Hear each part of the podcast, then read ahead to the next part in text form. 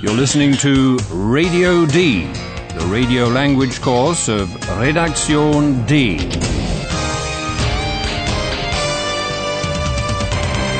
A joint project of the Goethe Institute and Deutsche Welle Radio. The author is Herrad Meese.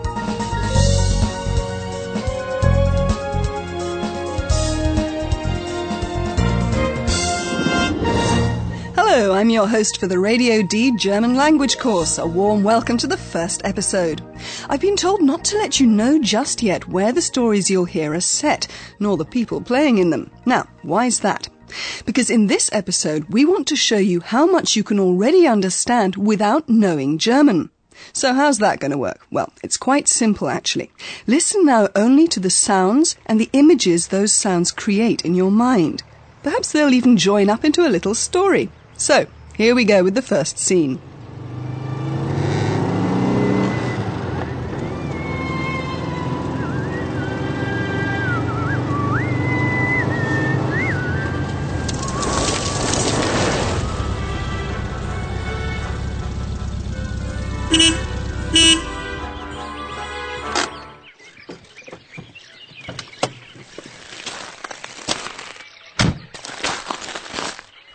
Hallo? Hallo?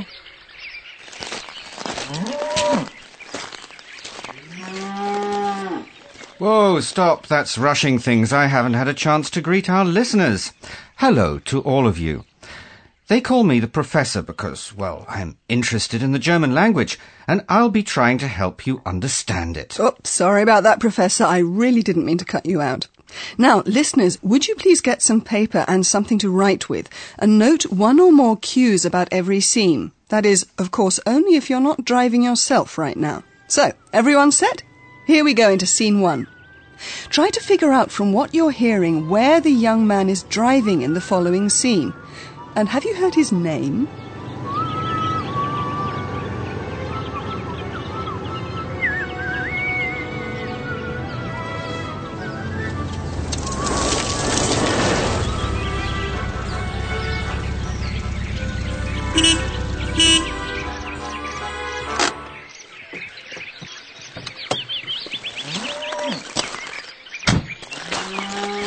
Hallo? Hallo?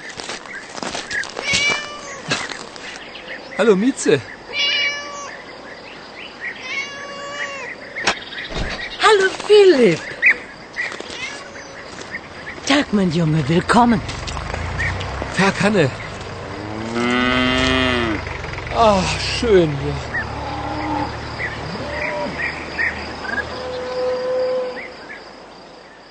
Now that was easy, right? We're sure you figured out that the young man is driving into the country. We're hearing a mooing cow, a meowing cat, and a tractor chugging past. Maybe you've also gathered that the young man is called Philip and that a woman in the country is expecting him.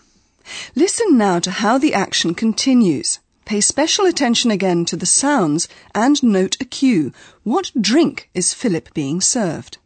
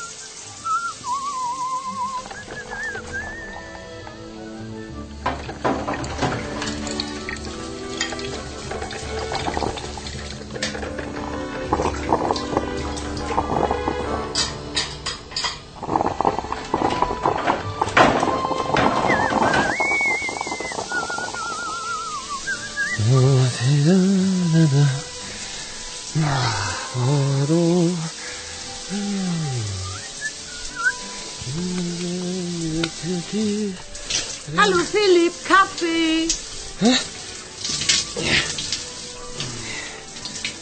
Was ist? Kaffee, es gibt Kaffee. Okay, danke.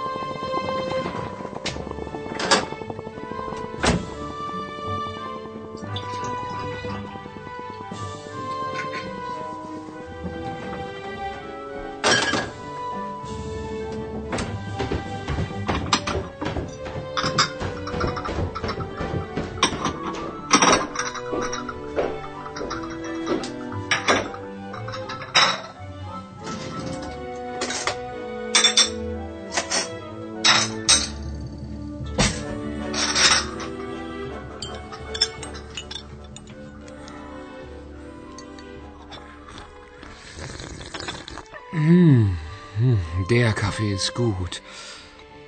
Ah, ich freue mich auch immer, wenn du da bist. After driving from town into the country, the first thing Philip does is have a shower, and then he's treated to coffee by Hannah, whoever that is. So, Philip's in Clover. Not for long, though, unfortunately. Listen, pay attention again to the sounds and the tone of Philip's voice. How's his mood changing, and why? Jot down two or three cues.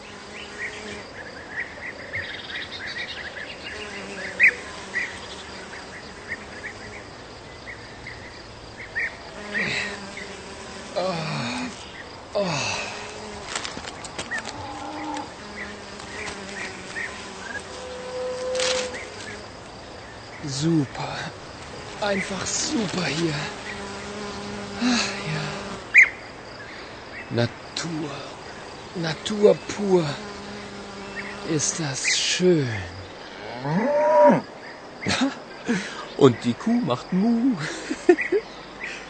Mu. Mu.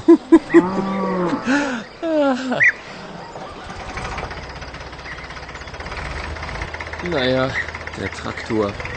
Hm.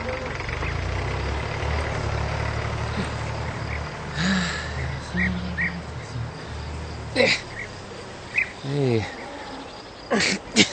Hey, Schluss jetzt. Aufhören. Au, au, aua. Ah, Mistbiene. Alles okay? Oh nein! Mistbiene! Natur. Natur pur. Na super.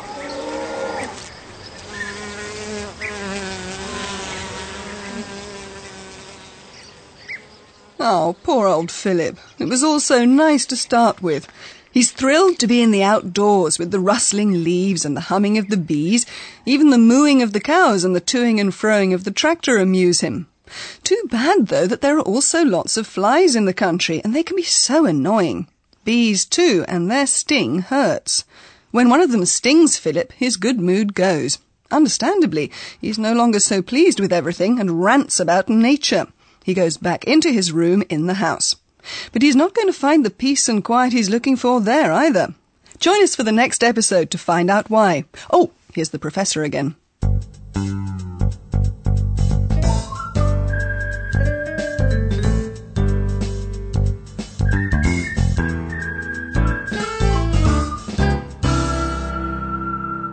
Glad you've joined us for our first chat about language. To be more precise, a chat about some techniques that facilitate understanding when listening. There are things you did more or less unconsciously as you heard the scenes, and we'd like to go over that with you. Let's have another listen to scene one.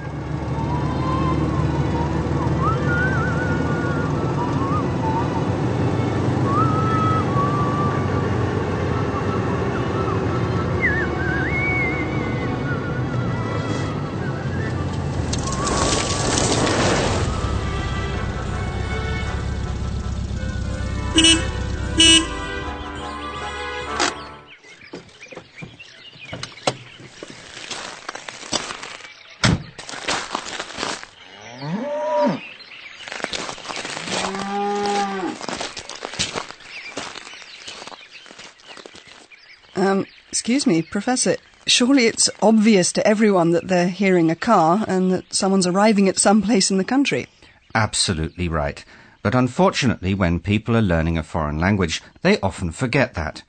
we pay attention only to the words, especially those we don't understand. I want to get listeners focusing on what they can already guess, and part of that are sounds. Ah, okay, I understand. The sounds we heard there tell us where the story's playing. Exactly. But they let you draw some more conclusions. For example, what someone is doing. Hmm. Just what's going on there.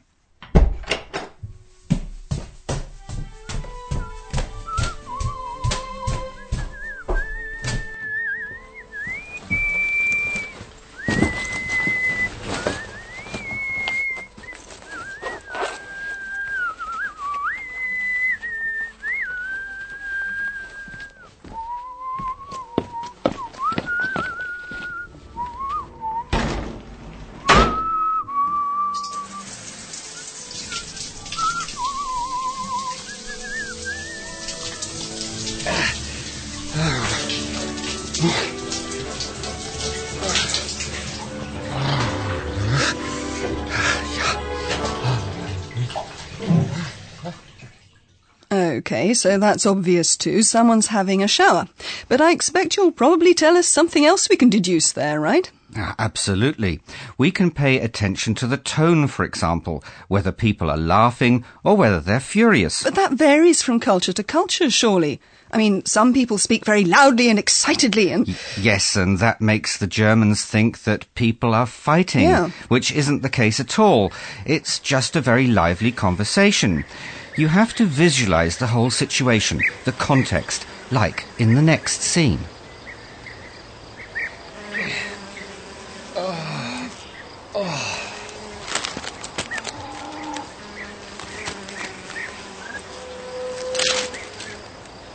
Super.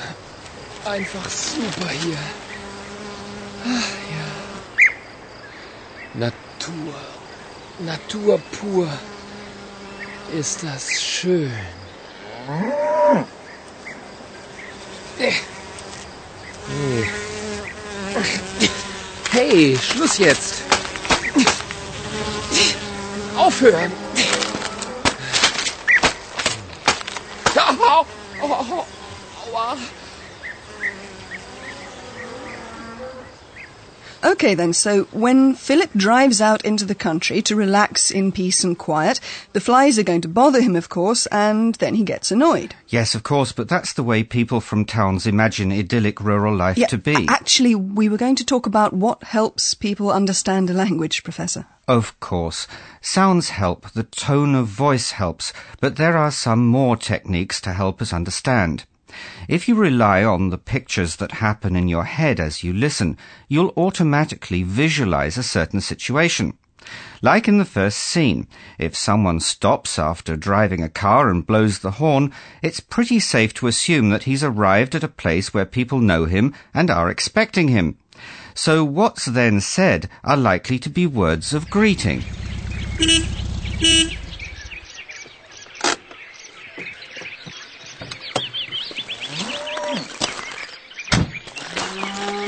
Hallo? Hallo? Hallo, Mieze. Hallo Philipp. Tag, mein Junge, willkommen. Tag, Hanne.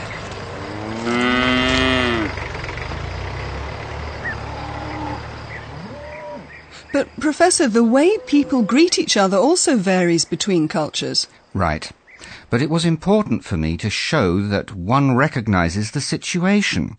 Two people greeting each other. And that's the opposite of what we have to do now, which is to say goodbye.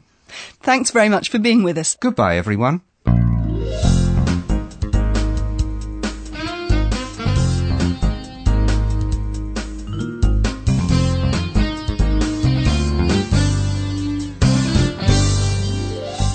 You've been listening to Radio D, a German course of the Goethe Institute and Deutsche Welle Radio.